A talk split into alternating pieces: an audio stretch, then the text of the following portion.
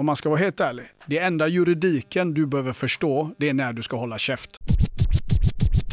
Jag är Fouad Shidane och du lyssnar nu på din nya favoritpodd, The Side Hustle.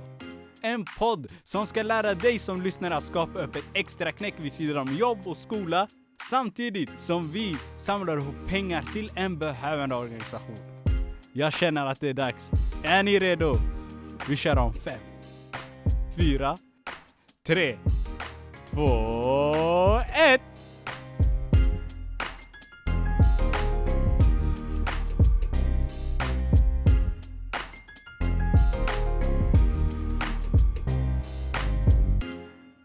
Kära lyssnare, kära lyssnare, vi är tillbaka med ännu ett härligt avsnitt. Dagens gäst är en internationell säljare, en företagsledare och en förebild till mig. Mina damer och herrar, grundare och VD av Vimentes Group, Mr. Michel Laporte Gordon. Yes! Det är nu man ska ha såna ljudeffekter. Exakt. Ja, precis. Hur mår du Michel? Ja, det är bra. Tack. Hur är det själv? Det är bara bra, det är bara bra. Yes. Fått en bra start på veckan? Alltid. Måndagar är, ja, det är full fart. Från Mhm. sju till sent. För de få människor i detta avlånga land som inte vet vem Michel Laporte Gordon är, kan du inte ta och berätta lite grann om dig själv? Kolla upp mig. Nej, vad ska Google that shit! Next question. Eh, ja, nej men eh, mitt namn är Michel Aporte Gordon. Jag är eh, född på Seychellerna och eh, eh, bor här i Göteborg. För den som eh, blir förvånad över min dialekt. Driver idag Vimentis Group AB. Vad Eh, är Vimentis? Vimentis är ett eh, försäljningsbolag i grund och botten. Vi jobbar med att eh, specialisera oss på att utbilda entreprenörer till att ta ägarskap över sina säljprocesser på riktigt, inte bara som de tror. Så ni hjälper bolag komma i kontakt med, eller ta tag i säljprocesserna, att Ja. kunna visa dem hur det går egentligen med sälj från A till Ö. Ja, alltså i grund och botten så det är flera steg. Det, Först då handlar det om att förstå vad det är försäljning. För när du startar företag så det är det enda som räknas. Du kan ha den bästa produkten, du kan ha det bästa ekonomisystemet, du kan ha allting redo för att gå out there och göra någonting. Men kan du inte sälja dina tjänster och produkter så spelar det ingen roll. Om ingen köper så har du inget att fakturera. Punkt slut. Vad är det människor inte förstår då om sälj? När människor ska starta upp deras bolag, vad är det de helt totalt glömmer bort oftast med försäljningen? Det är många saker, men ehm, ett par av de grejerna vi ser är att alltså, många tror att försäljning är någonting som eh, att det handlar om att man ska gå ut och tala om, alltså du ska, du ska köra ner dina tjänster och produkter i halsen på folk med att liksom, du, ska, du tränar din hisspitch och du är så här, men, men egentligen är det så här att försäljning handlar om framförallt två saker. Det ena är att lyssna och det andra är förmågan av att kunna ställa relevanta frågor. Och om man förstår sen allt som är däremellan, det vill säga att vi behöver förstå vår kunds marknad på en helt annan nivå. Vi behöver förstå hur våra kunders köpbeteenden ser ut. Vi behöver förstå saker och ting, alltså processer där ute i samhället ur ett helikopterperspektiv för att hitta vår plats i det ekosystemet. Försäljning är så mycket mer än att bara sitta och prata om innehållsförteckningen på en produkt eller en tjänst. Och det är det vi måste verkligen få folk att börja fatta nu. Att du, kan, du kommer aldrig få mer än ett accident sale om du inte blir en del av din marknads ekosystem istället. Och du har jobbat med försäljning nu i väldigt, väldigt många år. Ja. Um, så att jag och du lärde känna varandra var ju då att eh, du kom in, vi, jag läste ju den kursen med Venture Cup Just det. och eh, så ska, får vi då, säger läraren att vi ska ha eh, en gäst som ska komma och föreläsa om försäljning. Och vi, jag och mina vänner, vi sitter där, vi tänker, ah, vilken stolle ska komma nu? typ. så får vi veta att eh, gästen är lite sen och vi tänker, ah, men det är inga problem, det är inga problem. Vi sitter och väntar ändå. Sen så kommer Michelle in med den härligaste energin någonsin. Kastar av sig kavajen, rullar upp armarna och bara okej, nu kör vi. Här var då grejen Michelle. Sättet du pratar om försäljning, det är inte det är inte sättet många ser på det, för många ser försäljning mycket som en läskig grej. Jag märkte det redan den första dagen när du var uppe och föreläste. Din alltså kärleken du har för försäljning. Men hur kommer det sig att du valde att jobba enbart med försäljning? Att du inte, du har ju grundat och kört andra företag. Ja. Hur kommer det sig att du endast kör försäljning idag då? Alltså grejen är så här, jag har byggt upp sex bolag innan det här. Ja. Och, eh, men min, min passion är att jag på riktigt tycker det är coolt att se när människor faktiskt liksom lyckas få fart i sina businessar. Då, då. Och någonstans på vägen så upptäckte väl jag då, då att min gåva är att jag kan hjälpa människor att hitta de dörrarna. Jag kan, och, och, och i det då, mitt verktyg är sälj. Mm. Därför att vi lever just nu i en tid där försäljning aldrig har varit viktigare. Det har aldrig varit viktigare Mm. att förstå försäljningsprocesser för varenda människa egentligen. Mm. Eh, för 15-20 år sedan då var information nyckeln många gånger till, till framgång. Mm. Men idag så är information i överflöd. Mm. Och eh, det jag har sett är att sättet vi både jobbar med försäljning själva och vår filosofi kring försäljning Mm. eh, efter så många, alltså tusentals, tiotusentals timmar där ute på marknaden. Eh, så har jag märkt det att kan vi hjälpa andra att följa samma principer Mm. så kommer de snabbare att nå sina mål med sina verksamheter. Mm. Och det, för mig så är det, ja, jag jobbar med försäljning kan man väl säga på ett sätt. Men eh, på ett annat sätt så är det lika mycket personlig utveckling och, och de bitarna också. Mm. Därför att eh, på det så kommer det även andra saker, typ exempelvis självförtroende, självkänsla. Mm. För väldigt mycket av försäljning handlar om prestation. Mm. De flesta drar sig för att börja jobba med sin egna försäljning för att de har dåligt självförtroende eller att de, de tycker det känns läskigt och alla de här grejerna. Och vi lär människor att utifrån sina egna förutsättningar vinna lite hela tiden. Exakt. Och det är då man bygger erfarenhet. Erfarenhet bygger självförtroende. Och att man lär sig att se de bitarna också. Mm. Så att omvandla det till action, action leder till resultat. Det är vad jag jobbar med. Och detta med prestation och eh, hålla disciplinen. Har du fått det mycket från kampsporten?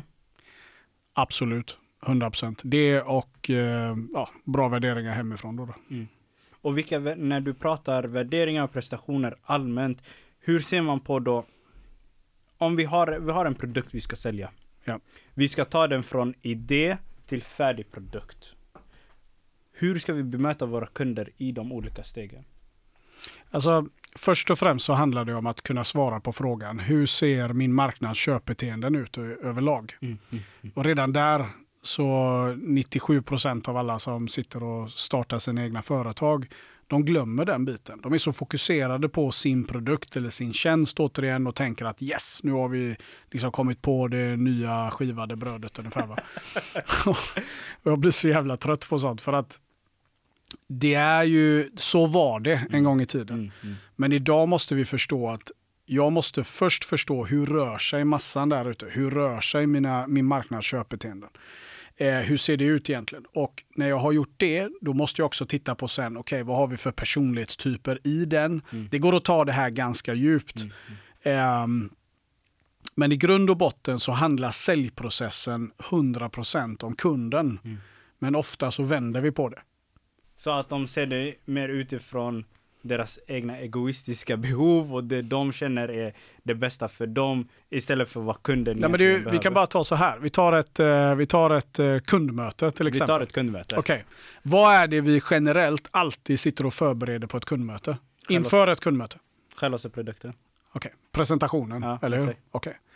Och, och när startups kommer till mig så brukar jag säga så här, ja det där är jättegulligt, men vad är det för känsla du, vad, vad är det för känsla du vill ha? Ja. Vad är det för känsla du vill, eh, som du vill att jag ska ha Mm. när din, ditt möte är klart? När vårt möte är färdigt, Mm. vilken känsla ska jag bära på när du går härifrån? Mm. Ska jag vara inspirerad, motiverad, ska jag vara uttråkad?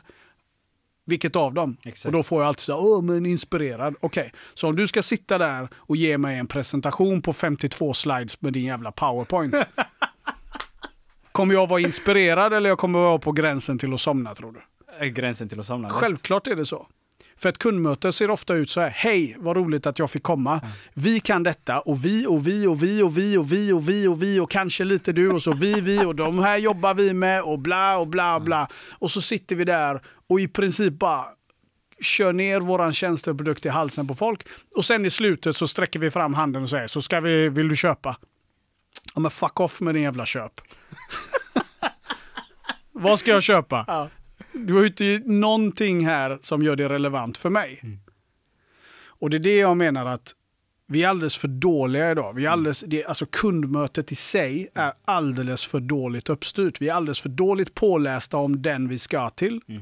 Och om den, eh, deras marknad. Om vilka problem vi löser. Och på vilket sätt då, då mina tjänster eller produkter ingår i deras ekosystem återigen. För det som en gång var linjärt, idag handlar allting om att skapa cirkulära ekonomiska lösningar. Det vill säga att min tjänst ska egentligen bara boosta din ännu mer.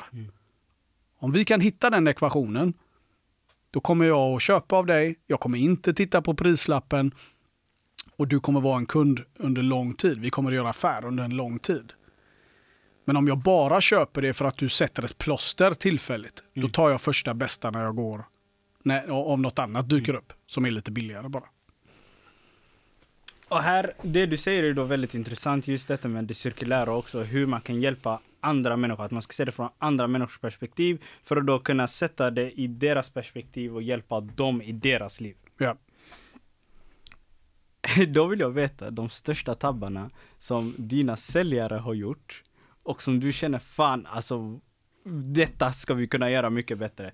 De största tabbarna som du har sett andra säljare göra, de vill jag höra. Jag kan gå till mig själv istället. Aha. Alltså enda sättet att lära sig det Gör här. du tabbar du? Ja men herregud. Nej, men alltså så här, det, det är också en stor grej. Och till dig som hör det här och tänker att oh, men jag, har, jag kan inte och bla bla. Kolla här, jag har gjort mer misstag inom sälj än de flesta kan göra sammanlagt.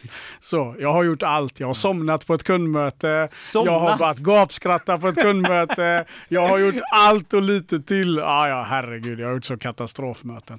Men och där och då så har det ju varit superpinsamt eller vi har liksom så här, men nyckeln är ju att liksom, vad, vad tar jag med mig? Vad lär jag mig från varje steg? Eh, men klassiska misstag för att svara på din fråga. Jag menar, jag har kommit ut, jag har varit jättefokuserad, alltså från, bara från mitt håll. Jag vet att det är många som sitter och säger så, åh men det är klart att jag tar det från kundens perspektiv. Det är skitsnack. Det, vi vet att det är ingen slump att 87 procent av alla säljare och företagare missar sin budget idag. 87 procent. 87 procent. Det är färska siffror. Nej, tror från eh, Salesforce det. bland annat. det, jag tror det. Det är ingen slump att det ser ut som det gör. Nej. Därför att vi är så fokuserade återigen från mig till dig perspektivet istället för ett vi eller du till mig. Och, ehm, så det är ett misstag. Jag har kommit alldeles för opåläst på, till kundmötet.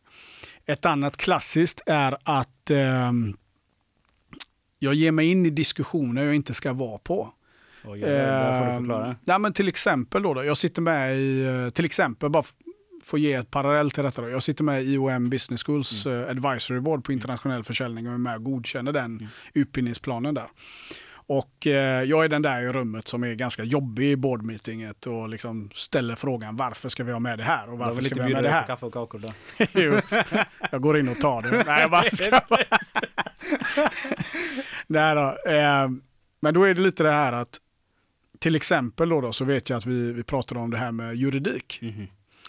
Och eh, det är med lite där och det, det är jättebra. Men jag sa det, egentligen, om man ska vara helt ärlig, det enda juridiken du behöver förstå, det är när du ska hålla käft. Aha. Därför att om du sitter där och säger jajamän, ja, men ja på fel, fel punkter och du ger dig in i en damm. Alltså, det tar jurister liksom ganska många år för att få bli, för att kalla sig jurister. Min syster som jag är väldigt stolt över, hon, hon är jurist idag. Hon har spenderat många år i universitet och bla bla bla och alla de här grejerna. Att jag på en liten skitkurs skulle kunna ge mig in i en diskussion med henne, alltså det är bara löjligt. Bättre att pausa, ta in rätt ex- expertis och så leder du vad ska man säga, mötet istället. Du är arkitekten. Du tar ett steg bak och så låter du rätt kompetens prata med varandra. Där är en sån klassisk misstag. Man ger sig in i fel diskussioner istället för att parkera. Säga du, jag har ingen koll på det här, men jag lovar att jag ska ta reda på det åtminstone. Eller för, sätta dig i kommunikation med rätt, rätt eh, person. Då. Vad är det som gör att människor hamnar i de situationerna då? Ja, är det det det, det finns någon sån här tro att en säljare måste ha svar på allt. Mhm. Och det kunde inte vara längre från felet. Alltså, det, det, det, så är det absolut inte. Det är också en sån här klassisk, ja, men man säger ja, ja, ja. Mm. ja men var ärlig istället. Och, och liksom var autentisk. Säg så här, nej vet du vad, jag har inte koll på de här bitarna. För du förväntas inte att vara jurist, läkare, målare, bagare, krögare. Ja men lägg av. Liksom, du vet. Du förväntas att kunna förstå däremot, Mm. återigen, varför den här tjänsten eller produkten har ett existensberättigande på min resa på väg mot mina mål. Mm. Det är vad jag förväntar mig att du ska kunna för, eh, liksom, förklara för mig. Men sen i detalj, om det handlar om juridik eller det handlar om liksom, någonting som är så pass eh, vad ska man säga, viktigt då, då. Mm. Det förväntas inte att du ska ha svar på det, men många går in i den att de tror att om inte jag säger ja här så blir jag av med en affär. Mm.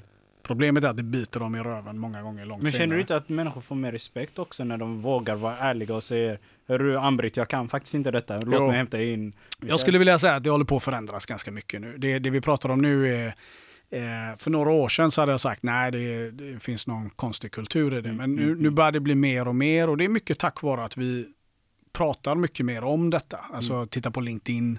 Det är mycket, mycket mer driv idag på LinkedIn. Det är över tre miljoner människor som är där och Mm, det pratas mm. business. Exakt. Eh, bara i Sverige då, över tre miljoner. Och, um, så jag tror att vi förväntas inte att ha svar på allting. Um, så. Mr Laporte Gordon. Vet du vad det är dags för nu? Nope. Det är dags för de tre heliga. Är du redo? Yes, Alright. fire away. Fråga nummer ett. Vad var din första side hustle? Min allra första side hustle, det var eh, när jag var nu. tio år. Ja, precis. Då ska vi se, jag var 27.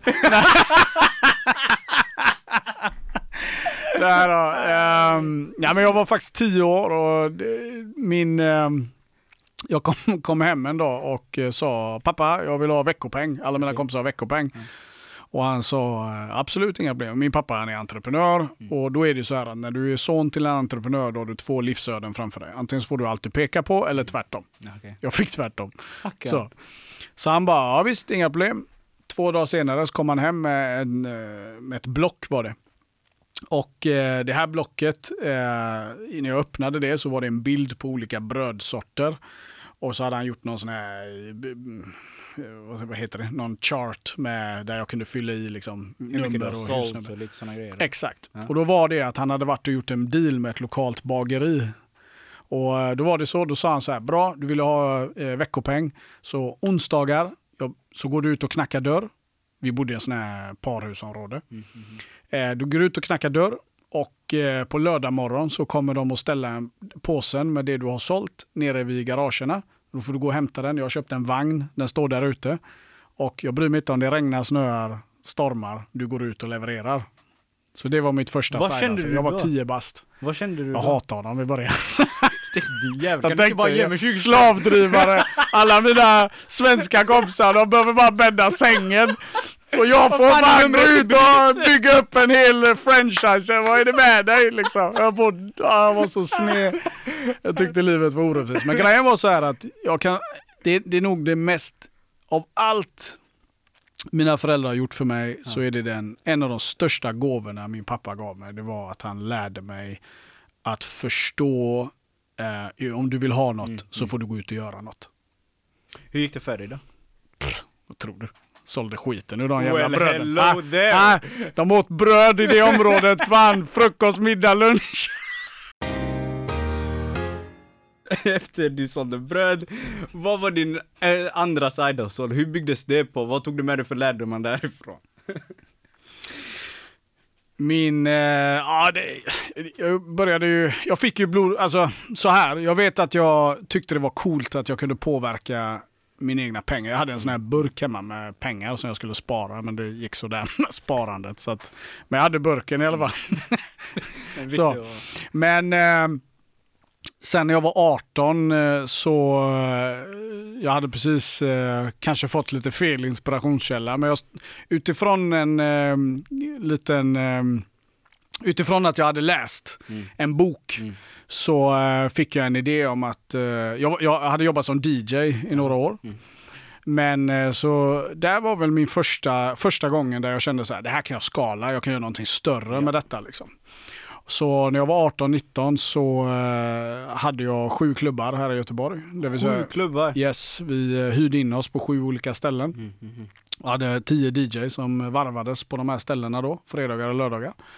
Och då hade vi ju, det fanns ju inte sociala medier, det var ju typ tio, tio år innan. Ja, och då hade vi liksom folk som sålde biljetter och vi hade en ganska cool eh, grej då. Mm. Problemet var att allt var kolsvart. Så att jag. Där kom det. ja. Nej, skämt åsido, vi började ju självklart som ett experiment liksom. Mm. Och du får ju faktiskt eh, eh, tjäna upp till 50 000 utan att eh, sen får man ju börja fundera då. Mm, mm. Så, eh, men vi tog det ganska långt. Men sen, det livet är sjukt intensivt så att eh, vi körde på i ungefär två år och sen Hur var det att vara DJ då, ändå hålla på med businessdelen av det hela, hålla koll på alla serier, hålla koll på hur mycket pengar som kommer in? Alltså jag DJade ju inte då. Nej. Utan det jag gjorde var ju att mer eh, se saker och ting från helikopterperspektivet. Jag hade ju dialogen istället med krögarna. Jag hade dialogen med DJs, med de som sålde biljetter. Mm, mm, Eh, ja, men det, var, det var en jävligt rolig period liksom. Och ja, vi gjorde bra med deg också. mm. Nej, det, det är det viktigaste. Okej. Fråga nummer två.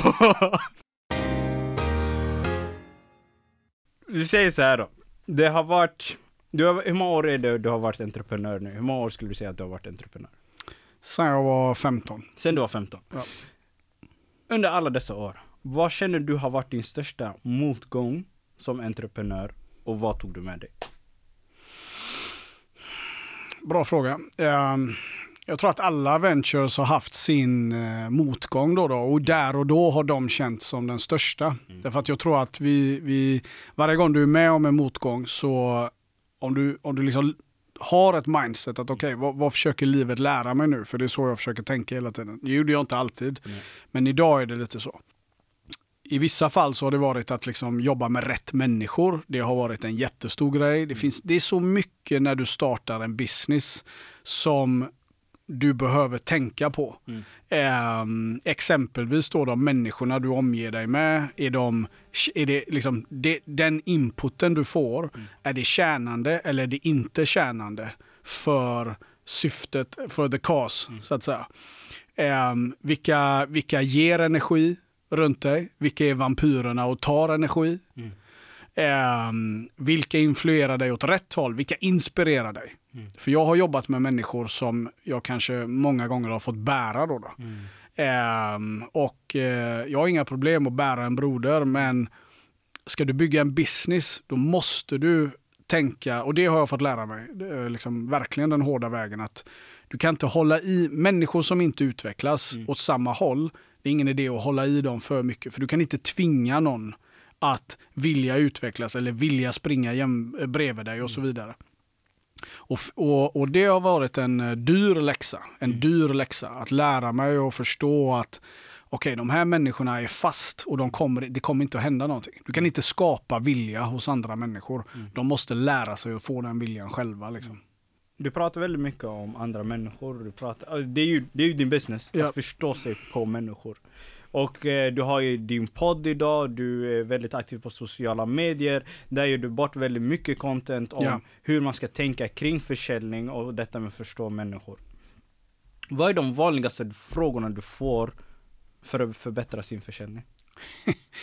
Ja, nummer ett är, "Äh, Michel, har du någon bra avslutsteknik? Och det här är så jävla roligt för jag kan inte, det, det, det finns någon sån här bild, nej men alltså det finns någon sån här bild av att okej, det finns någon, eh, någon magisk mening som kommer bara få kunden att från att de sitter med armarna i kors och säger nej, nej, nej, jag ska inte köpa och så säger du så här, okej, ungefär som att på tecknat att man bara drar fram det där magiska kortet och bara, jaha, men vad säger du nu då? Ta-da! Och så gör man den här supermeningen och så ska kunden bara, jaha, varför sa du inte det? Och så ska de skriva på. Alltså, Det händer inte. Nej, så jag brukar säga det, kom igen, det finns inga magiska silverkulor inom sälj. En av de vanligaste frågorna jag får, va, eh, hur gör jag mer avslut? Mitt svar på det är att vi behöver, du behöver se över hela din säljprocess. Du behöver titta på vad har du för relevansfaktorer redan när du kommer i första kontakt med din kund. För redan där börjar de fatta ett beslut undermedvetet om det är dig de vill göra affär med eller inte. Så det, det är en av de vanligaste frågorna. Nummer två, när ska man börja med sin försäljning? Ska jag göra det när eh, jag har en idé? Ska jag göra det när det är eh, när jag har min produkt eller när allting är klart, när min hemsida är uppe, bla bla bla bla. Så när ska jag starta? Eh, det är en väldigt vanlig fråga jag får. Vad och- brukar du svara där då? Ja, men mitt svar är väldigt enkelt. Så fort du har en idé, gå ut och testa den på marknaden. Därför kunderna köper din vision. De köper vart du är på väg. Du kan fortfarande, jag har ett startup nu. Det är en, eh, en tjej, hon är från ehm, hon är från Eritrea faktiskt, jävligt duktig. Hon har startat eh, ett företag nu och hon, eh, eh, ja jag kan inte säga för mycket för den är, den är fortfarande inte ute. Nej. Men hur som helst, Vad heter hon? Du kan göra en shoutout till henne om du vill. Ja, Madere, en shoutout till dig. Det här är, jag är fortfarande extremt stolt över dig, självklart. Eh, och, eller fortfarande, det är klart jag är det. Eh, Han har inte bestämt sig. precis. As long as you pay your bills. Nej, jag ska Nej, fy fan. Klipp bort det. Eh, Vi ska inte klippa bort det. nej, men, nej, men hon är grym därför att där har vi en person som till yrket eh, är extremt långt bort ifrån säljtänket. Då, då. Kom till mig med en idé och jag sa så här, bra, nu lägger vi en plan, bla bla bla, bla. gå nu ut och boka dina möten, gå ut och börja presentera. Hon har börjat komma in med den här idén redan nu, den är inte ens ute. Hon har redan fått ett par av Sveriges absolut största bolag ehm, superintresserade, as we speak. Okej? Och ehm, vad är det hon har gjort? Jo, hon har gått ut och gjort det här rätt. Hon har jobbat med visionen, hon har hittat deras varför. Hon har förstått deras liksom, perspektiv på det hela, deras pain. Och hon har en lösning på detta, kortsiktigt och långsiktigt. Så att hon har verkligen by the book gjort detta så jävla grymt. Och det, det är ett exempel av väldigt många då, då där, ehm, där eh, man börjar i tid. Så därför säger jag alltid så här, starta, men det, du ska ut och testa din marknad så fort, liksom innan eh, bläcket ens har torkat på pappret. Då, då. Med det liksom bildligt talat. Då. Varför tror du människor är så rädda då? Varför kan man sitta på en idé i flera månader, ibland flera år och inte välja att göra någonting? De flesta gör det inte ens alls. Min mentor sa till mig, eh, på kyrkogården så ligger det tusentals drömmar be- begravda. Oh. Och ehm, Oj, oj, oj, oj. Den är ganska tung faktiskt. För det, det, det är så. De flesta människorna vågar inte av många skäl. De flesta människorna är rädda för åsikter. Det är nog det vi är mest rädda för nu. Vilket, jag brukar alltid säga det, men har de här åsikterna någon gång betalat dina räkningar? Nej, va- ja, då så. Be dem att fara åt helvete. Um, nej, men det, det, det är lite det här att vi är så, vi är så rädda för att misslyckas. Alltså, det blir mycket citat nu, men, men rädslan att förlora Mm. är generellt mycket större än viljan att vinna. En gång till. Rädslan att förlora är generellt mycket större än viljan att vinna. Mm. Och jag tror att det har väldigt mycket att göra med att, jag menar, det är bara att tänka tillbaka för dig själv. Mm. Hur många lektioner kan du komma ihåg i, i skolan där ni har pratat om självförtroende och självkänsla? Jag har aldrig haft det. Och det är samma svar som alla har. Du som lyssnar på detta, fråga dig själv, hur många gånger har du pratat självförtroende, självkänsla och prestation i skolan överhuvudtaget? Och det är här vårt samhälle har glidit ifrån verkligheten anser jag. Därför att allt där ute idag bygger på prestation. Precis allting. Men vi pratar aldrig om det. Vi fortsätter att inbilla oss att ett certifikat eller en, eh, liksom någonting, ska ta hand om saker och ting. Men det gör det inte. Och då kommer vi till det här att när många liksom står där och stampar, de har en idé och så blir de osäkra. Eh, många gånger så har det att göra med att, ja, men vad ska andra tycka och tänk om jag gör bort mig, tänk om jag får nej. Mm. Men alltså det är en sån stor del av entreprenörskapet. Du måste räkna med de här grejerna. För om du inte gör det, alltså hur många nej tror du jag har fått genom på 27 år? Alltså hundratusentals antagligen. Mm. Och, och vi måste förstå att det är liksom, det är en del av, alltså att, att misslyckas är, en, är, vägen till att lyckas. Mm. Det är bara så det är. Och, det, och inom idrott eller inom liksom andra områden, där kan vi förstå det ganska enkelt. Att okej, okay, om jag, om jag eh, går till gymmet så kommer inte jag ha ett sexpack eller vara jättevältränad efter tre gånger. Mm. Så många tänker så här, okej okay, jag ger det tid, jag ger det ett år. Jag får gå dit och kämpa och jag kommer ha träningsverk och det gör ont och bla bla bla och jag kommer inte ha motivation och, men jag gör det ändå. Mm. Det är ju samma sak som nej. Men vi sitter där och vi håller på och liksom ger oss ursäkter. Problemet är att vi har inte lärt oss att bygga självförtroende och självkänsla. Det är en step by step process. Det är ingenting som händer över en kväll. Du kan inte googla det. Du, du, kan gå på ett seminarium, du kan bli lite peppad. Du kanske blir äh, lite peppad av det här och bla bla. Det finns massa saker vi kan Vad göra. Vad gör man när motivationen är borta? det går tillbaka till början. Varför gjorde det överhuvudtaget? Jag menar, hur många gånger kommer inte jag hem och tänker faktiskt, jag orkar inte. Mm. Jag är trött på det här. Det har varit ett helvete att bygga upp Vimentis kan jag säga. Jag har inga problem att erkänna det. Det har varit det absolut tuffaste jag har gjort i mitt liv. Mm. För det är svårt att sälja utbildning, nummer ett. Det är svårt att sälja försäljning, mm. nummer två. Eh, nu börjar saker och ting ändras då, då men, och, och, vi vill göra på ett annat sätt och allt det här. Så det, det, har varit en tuff resa och så många gånger jag har kommit hem och bara, jag skiter i det här nu. Men och ett why, det kan ju förändras. För mig har det förändrats. Men nu har jag två stycken hemma. Jag har två stycken hemma mm. som förtjänar att deras pappa är 110 procent varenda dag. Mm. Jag har ingen ursäkt till mina barn. Vad ska jag visa? Det, det jag gör varje dag, det jag gör, de ser. Vad ska de se? Pappa ger upp? Fuck that. Det kommer inte hända. Hela jävla världen kan, kan, kan leverera sin högerkrok. Mm. Jag kommer bara ställa mig upp och skrika en rond till. Mm. Och det är det jag måste lära. Så, så det är för mig idag vad som driver mig och, och, och, och som blir mitt why. Mm. Så när det blir tufft, min motivation kan försvinna, jag kan reta mig på hela världen, jag kan tycka att allt är åt helvete. Mm. Men det räcker att jag kommer hem, jag ser mina två barn och jag vet så här, okej, okay, vad, vad fan ger jag dem för signal mm. om jag säger så här, nej, pappa slängde in handduken. Så. Det var starkt.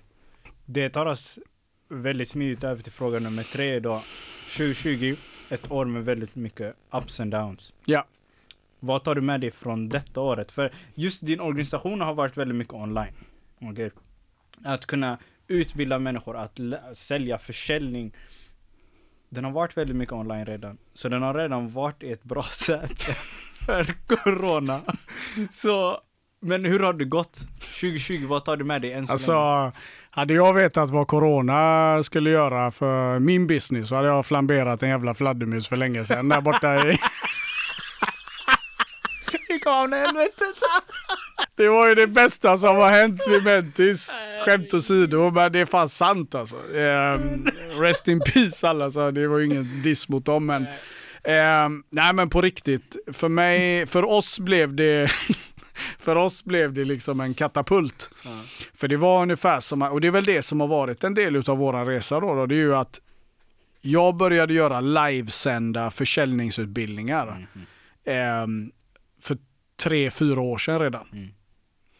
Och då var men marknadens var attityd... Det var internationellt? Ja, ja, ja men det var flera saker. Mm. Men bland annat då så kom ju också, jag, jag pallar inte att sitta liksom, jag vill, min vision är inte att jag ska jobba som en konsult. Nej. Utan eh, jag vill inte liksom en och en så här, utan jag börjar ställa mig frågan, hur kan jag göra 400 timmar på en timme? Mm. För då börjar vi prata om att skala, då börjar vi prata om cashflow, då börjar vi prata om en helt annan typ av business. Mm. Och så redan där var det liksom, ja men vad fan, live och online. Och så gör vi det på ett bra sätt. Mm. Problemet var att vi hade en affärskultur som sa lite, mm, if it's ain't broken, why fix it?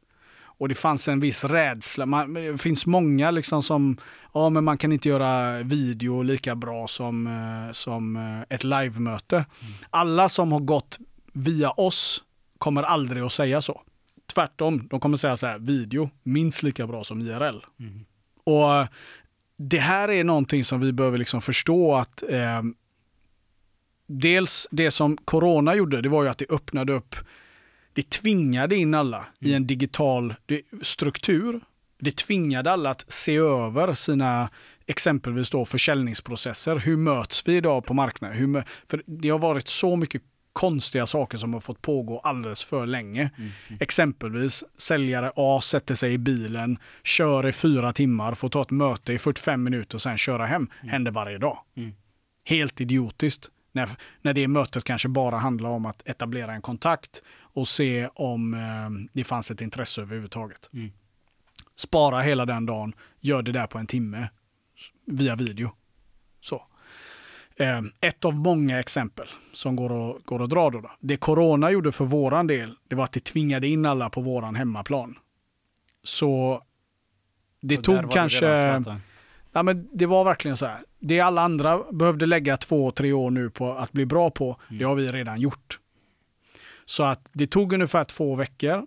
Så började telefonen ringa. Vi började bli kontaktade av partners. Vi började bli kontaktade av ganska många vi hade liksom letat efter, under, eller jagat då under en lång tid för att få till partnerskap. Och nu är jag väldigt glad att eh, allt detta har ju liksom fallit på plats. Då, då. Så att för våran del 2020 business-wise har varit det absolut bästa året. Alltså, det, det här var året som gjorde skillnaden för oss. Om du skulle ge en heads-up framåt då, för företagen så att de kan anpassa sig, eller för människor som ska starta upp en side inom vilken bransch som helst.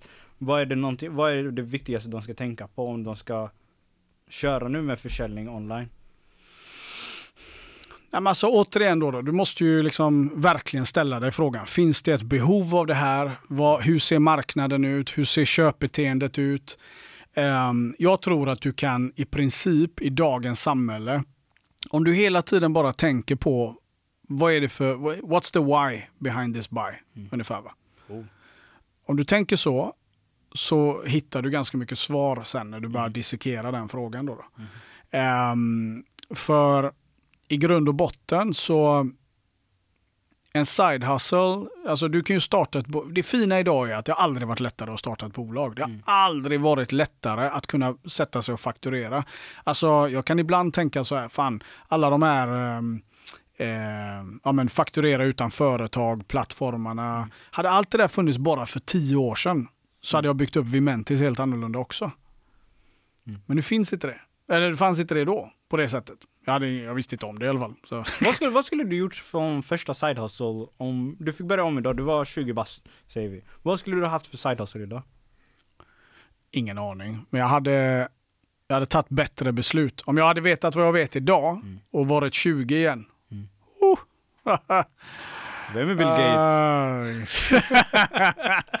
Welcome to Castle. Nej men, nej, jag hade gjort mycket annorlunda. Mm. Jag hade, samtidigt, det är, så, det, det är en ganska naiv, alltså på ett sätt så är det så här, ja, fast det är ju det som har format mig till det jag vet idag. Jag ångrar ju inte mina misstag. Nej. Jag ångrar inte en millimeter av vad jag har gjort. Mm. Varför skulle jag? Det viktiga är ju mer, vad lärde jag mig av det i så fall? Mm.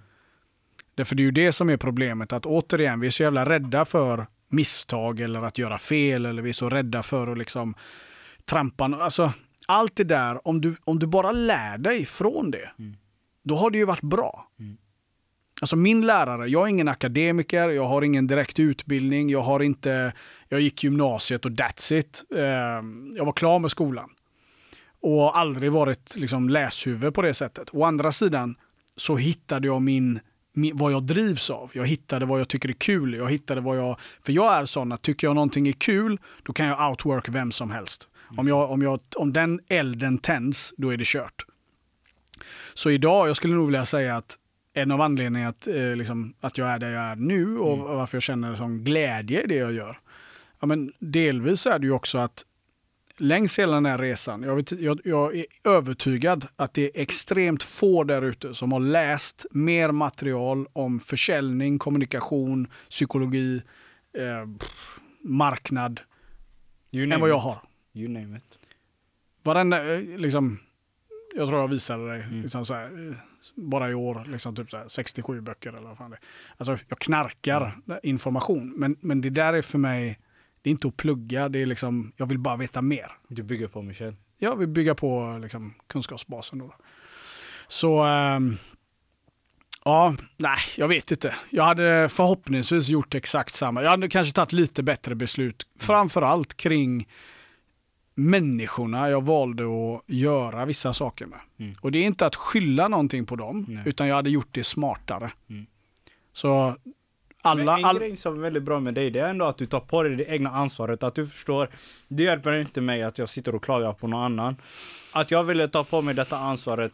Jag, jag tror det är bland det bästa du kan göra för dig själv. Nej men 100% så. Alltså oavsett vem jag umgicks med eller vem jag gjorde saker med så var det ju mitt beslut att göra det. Exakt. Så att det första steget till att, till att bli bra på någonting det är ju att ta ansvar för det. Mm. Highs and lows. Det är därför jag säger så här, jag hade, jag hade nog inte velat göra om någonting egentligen. Och på tal om att bli bra på någonting, nu är det dags för din Hustlers list. Mr Michel Laporte Gordon, Yes. din Hustlers list. Fem punkter kring hur man lägger upp en bra försäljningsprocess. All right. Number one. Nummer ett. Förstå din marknad. 100 procent. Det betyder att du måste förstå köp. Alltså i, under den rubriken så är det hur ser köpbeteendena ut? Vad är det för personlighetstyper som finns i majoritet? Mm. Vad jag menar med det till exempel då, det är att ja, men är det mm, känslostyrda människor som fattar beslut i din bransch eller är det mycket faktadrivna människor som fattar beslut i din bransch? Det är ganska bra att veta skillnaden där, för det styr väldigt mycket på din approach. Mm. Ehm, Kan du nämna två olika branscher som har de skillnaderna? ja, men vi kan ta en, eh, en arkitekt eller en ekonom eller en ingenjör. Mhm. Det är väldigt siffer, väldigt evidensbaserade beslutsprocesser i de marknaderna. Ja. Medan du har, eh, vi kan ta säljare, vi kan ta eh, Kultur. ja, kultur är väl också bra. Nej, men liksom sådana yrken där det krävs, där, där mycket energi, där mycket vad ska man säga, motivation och inspiration är källan till att de tar action. Då, då. Där har vi. Så, så där, är, där är det ena. Marknaden. Nummer två är prospekteringen. Mhm. Och prospekteringen är att du sonderar marknaden då då, efter potentiella kunder. Och det gör man, och bästa sättet att göra det på, enligt mig i alla fall, det är att vi ska vara, det är nu vi börjar ar- arbetet då. Och det är lite det här klassiska som man brukar säga inom kampsporten, alltså train hard, fight easy. Det är lite samma sak med försäljningen då. då. Och det arbetet vi lägger ner här nu i våra förberedelser, det kommer att korta ner säljprocessen längre fram. Så här gäller det nu. Okej, jag kanske tar fram cirka, vi bara får ta ett exempel då. Jag tar fram 100 företag. Mhm. Jag går in på deras hemsidor, jag kollar upp dem i sociala medier, jag förstår vad som händer i deras branscher. Jag ehm, kollar upp vd och så vidare på LinkedIn. Jag connectar gärna med dem också. Eh, kollar upp dem på alla bolag. Så liksom, inte för att sanningen alltid är där, Nej. men det kan ge dig en hint. Ehm, så att jag gör en jävligt bra research på de här bolagen. Mm. För när jag gör det, då bygger jag också upp en förståelse kring det här vi har pratat om nu då. Hur min tjänst kan bli en del av deras ekosystem. Vad den har för ens existensberättigande i deras resa. Ehm, och, på komma vilket sätt till den tillför värde då. Yes, då är vi tillbaka i det här. Liksom. Det är nu vi skapar en tydlighet på den här cirkulära ekonomilösningen som, som vi pratade om förut. Då. Så förstå marknaden och gör en bra prospektering. Ja. Nummer tre. Bli bra på att äga din kalender. Och En jag, gång till. Äga din kalender. yes. Aha. och vad jag menar med det är, ja planering är ju jättebra. Men jag menar framförallt i att du ska bli duktig på att boka dina egna möten. Jaha. Och det här är någonting som nästan alla blir livrädda så fort man säger det. Bokar du dina egna möten? Nej, jag är jättebra på själva möten. Men det var inte det jag frågade. Är du bra på att boka dina egna möten? Svaret blir nej. Vem är det som sitter och bokar deras möten? De, de, de försöker på tusen andra sätt. Kolla här. De flesta som startar eget på något sätt, de har reaktiva säljprocesser. Det vill säga att de sitter i sociala medier, de postar lite grejer, så är det någon som säger så här, vi söker någon som kan göra våran hemsida, så flyger de dit som flyger runt skit. och så liksom, jag kan, jag kan, och så blir det det här. Ja. En proaktiv säljprocess, det är att jag tar tag i den marknaden. Och jag, jag sitter inte och väntar på den. Jag tar tag i den. Och då är det ju så här att när du har gjort all den researchen, du har gjort en bra prospektering, då är det ju dags att börja boka upp ett möte med dem du har kollat upp. Mm. Och där gäller det att ha en bra process som du känner dig trygg i. Och du behöver ha kontinuitet i det. Mm. The average entreprenör i Sverige gör ungefär fem nykundsmöten i månaden. Inte ens det kan jag säga. Bara fem. Ja. Inte ens det. Inte ens det. The average. Det finns alltså, Sverige består av närmare 1,2 miljoner företag. 98 procent av dem är småföretagare. Mm. Eh, och soloföretagare är den absolut största majoriteten. Mm. Och de flesta gör inte över fem möten i månaden. Mm. Så vi behöver förstå att den siffran behöver komma upp ordentligt. Mm. För när du har kontroll över den, då hävdar jag att då äger du ditt företags cashflow på riktigt. För då går du ut, du hittar dina egna kunder, du bokar in dem, du bestämmer över Ja, men då har du ju källan. Då har du ju källan. Du, har, du äger roten till. För vad, när, vad är det som skapar ett sälj? Jo, men det börjar ju på ett möte. Eller hur? Du ska Och kan du inte klara det här- Alltså, herregud! Så ja! Så, så att äg din kalender. Yes. Nummer fyra. Lär dig göra bra och riktigt bra kundmöten. Vad är ett bra kundmöte, Michel? Det är att du går in där och gör ett avtryck. Vi gör så jävla tråkiga kundmöten generellt så att det är helt sanslöst. Det är som att Men tror du inte bara människorna är nervösa? De har suttit och tänkt på det roll. hela kvällen det går innan. att öva. Vi övar på fel saker bara. Då är vi tillbaka på vad vi pratade om förut. Ehm, vad är det vi förbereder inför de här kundmötena? Jo, vi förbereder våran powerpoint, vi förbereder vad jag ska säga, vad jag ska säga, vad jag ska säga. Okej, kan du förbereda lite, lägga några tankar på vad ska Fouad känna när vi är klara? Mm.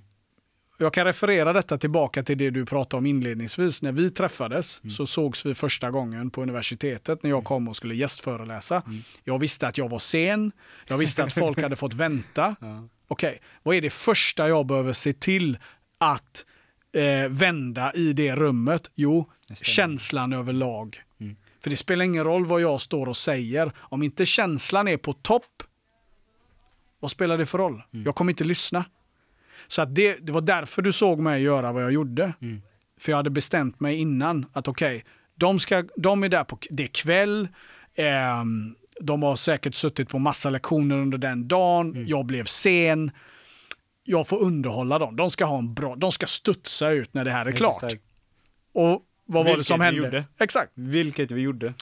Jag har aldrig förberett lite grann. Jag hade ju en powerpoint och lite sånt där och det, och det har jag självklart också. Jag säger inte att vi inte ska förbereda det, men om du börjar med att bestämma dig så här, okej, de ska vara inspirerade, de ska vara nyfikna, de ska vara motiverade när jag går därifrån. Bra, nu skapar du vad du ska visa dem.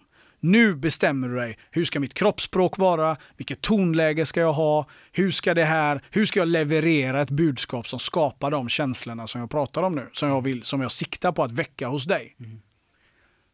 Då får vi grymma kundmöten. För kunden är inte där för att träffas presentationen, kunden är där för att träffa Michel. Nej, men kunden är inte där för att få en jävla manual i ansiktet. För det är ungefär det de ofta ger. Kunden är där för, alltså alla, vi, vi vill alltid bli underhållna. Du ska gå in där, are you not entertained? This is Varda! Men det är så. Vi vill bli underhållna. Mm. Och, och känner vi glädje, känner vi inspiration, känner vi wow, detta var någonting som fick mig att växa. Mm. Då är vi beredda att ta all information som finns. Mm. Men vänd på det. Och så frågar du dig själv hur sugen du är att ta till dig massa information. om det blir tvärtom i känslan. Det Nej. händer inte. Så gör grymma kundmöten. Och avslutningsvis nummer fem. Våga ta affären. Det, det måste du förklara. Den sa du med ett jävligt stort leende. Han rullar bak axlarna jävligt stolt. Ja, men det är också en sån här grej att vi sitter och vi bygger upp affären på ett, på ett, på ett sätt som gör att när vi väl ska be om orden, Mm. då blir det så laddat. Mm. Och så sitter vi och nästan väntar på att kunden ska säga så här, okej, så kan jag få köpa av dig. Du menar människor inte ens säger, ja men har vi en affär? Nej, Ska du köpa? nej Let's go. det gör de inte. Utan de väntar många gånger på att kunden ska eh, ramla rakt in i, liksom skicka en faktura via deras system. Och Nej, hur men ofta liksom, händer det Michel? Nej men alltid. Det är, det är mer regel än undantag. Återigen. Vi har en affärskultur där vi är liksom så fega på att vi är så rädda att göra bort oss eller att bli uppfattade som krängiga eller bli uppfattade. Och det blir du bara om du inte har lärt dig hur du ska ställa frågor och hur du kan driva kundmöten. Det finns ju mycket här emellan nu som jag inte hinner säga här. Mm. Men om du gör det här rätt, om du är duktig på att ska, göra en behovsanalys och skapa behovsmedvetenhet, då blir avslutet väldigt, väldigt enkelt och då blir det snyggt. Då blir det naturligt att gå över och, faktiskt be om orden. Mm. Men om du måste be om orden och det känns konstigt i hela rummet, då har du missat på massa andra punkter. Och det är därför vi måste lära oss att hela den här säljprocessen, allt vi har pratat om nu, hänger ihop. Ska du göra mer avslut, ska du göra mer affärer där ute, så måste du förstå att alla de här bitarna vi pratar om nu, de här fem punkterna, de hänger ihop och att de bygger på din förstå, förmåga att förstå kunden, din förmåga av att lyssna och din förmåga av att ställa relevanta frågor hela vägen som gör att du skapar behovsmedvetenhet hos kunden och att du lär dem att se den nya lösningen. Då kommer ditt avslut att bli jävligt mycket enklare och så gör du fler affärer. Där har vi det. Mina damer och herrar, Michel Laporte, Gordons Hustlers List! Äh, Michel, tusen tack på riktigt. Så eh, himla jävla bra avsnitt. Om eh, våra lyssnare vill komma i kontakt med dig, hur gör de då? Enklast är att connecta med mig på LinkedIn. Ja. Jag eh, hoppas att alla som på något sätt eh, går och funderar på att starta eget, Mm. eh, mer än gärna får ta kontakt med mig. Och är det så att ni tar kontakt med mig, så jag har en liten present här. Alltså, Yes, då gör vi så här att alla som kontaktar mig på LinkedIn, som har hört det här, om ni skriver ett meddelande där det står the side hustle, så kommer jag att ge dig en e-kurs med grundläggande försäljning värt ungefär 8000 kronor. alla, Alla. Alla som skriver the side hustle till Michel Laporte Gordon Yes. på LinkedIn Yes. får en gratiskurs till värde av 8000 kronor. Yes. Det är min contribution. Mister, thank you very much. You're welcome. Nej Michel, du får ha det så bra. Kära lyssnare, det var det för denna gången. Ta hand om er. Kära side hustlers och full-time hustlers. Ni har lyssnat på The Side Hustle med mig, Fouad Shedane. Teamet består av Ottilia Tuneroth, Beatrice Ha och Heidi Botic. Originalmusiken gjord av Kevin Rastenberger. Tillsammans med er lyssnare ska vi samla ihop en miljon kronor till förorten. En entreprenörskapstävling som vi ska ta till Göteborg och Malmös förorter. Donerar du 100 kronor eller mer så har du möjligheten att få träffa våran intervjugäst. Vill du ha mer information gå in på www.thesidehustle.se eller besök The Side Hustle Sverige på våra sociala medier. Until next time, ha det så bra!